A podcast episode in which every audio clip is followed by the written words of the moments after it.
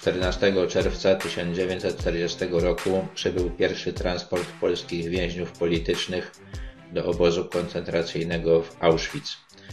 Niemcy utworzyli ten obóz, ponieważ wszystkie więzienia, które mieli do dyspozycji w okupowanej Polsce, były już przepełnione, a wiedzieli, że konieczne są dalsze aresztowania.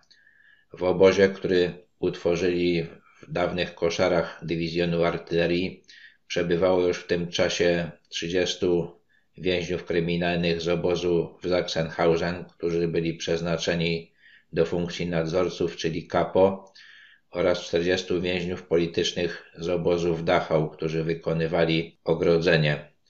Po procedurze przyjęcia, która obejmowała kąpiel, dezynfekcję, pozbawienie włosów na całym ciele i nadanie numerów, przemówił do więźniów Lagerführer Karl Fritsch i powiedział: Przybyliście nie do sanatorium, lecz do niemieckiego obozu koncentracyjnego, z którego nie ma innego wyjścia jak przez komin. Jeśli się to komuś nie podoba, to może zaraz iść na druty. Jeśli są w transporcie Żydzi, to mają prawo żyć nie dłużej niż dwa tygodnie. Księża miesiąc, reszta trzy miesiące.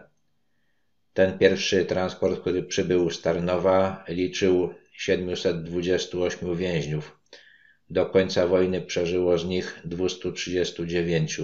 Obóz był ciągle rozbudowywany.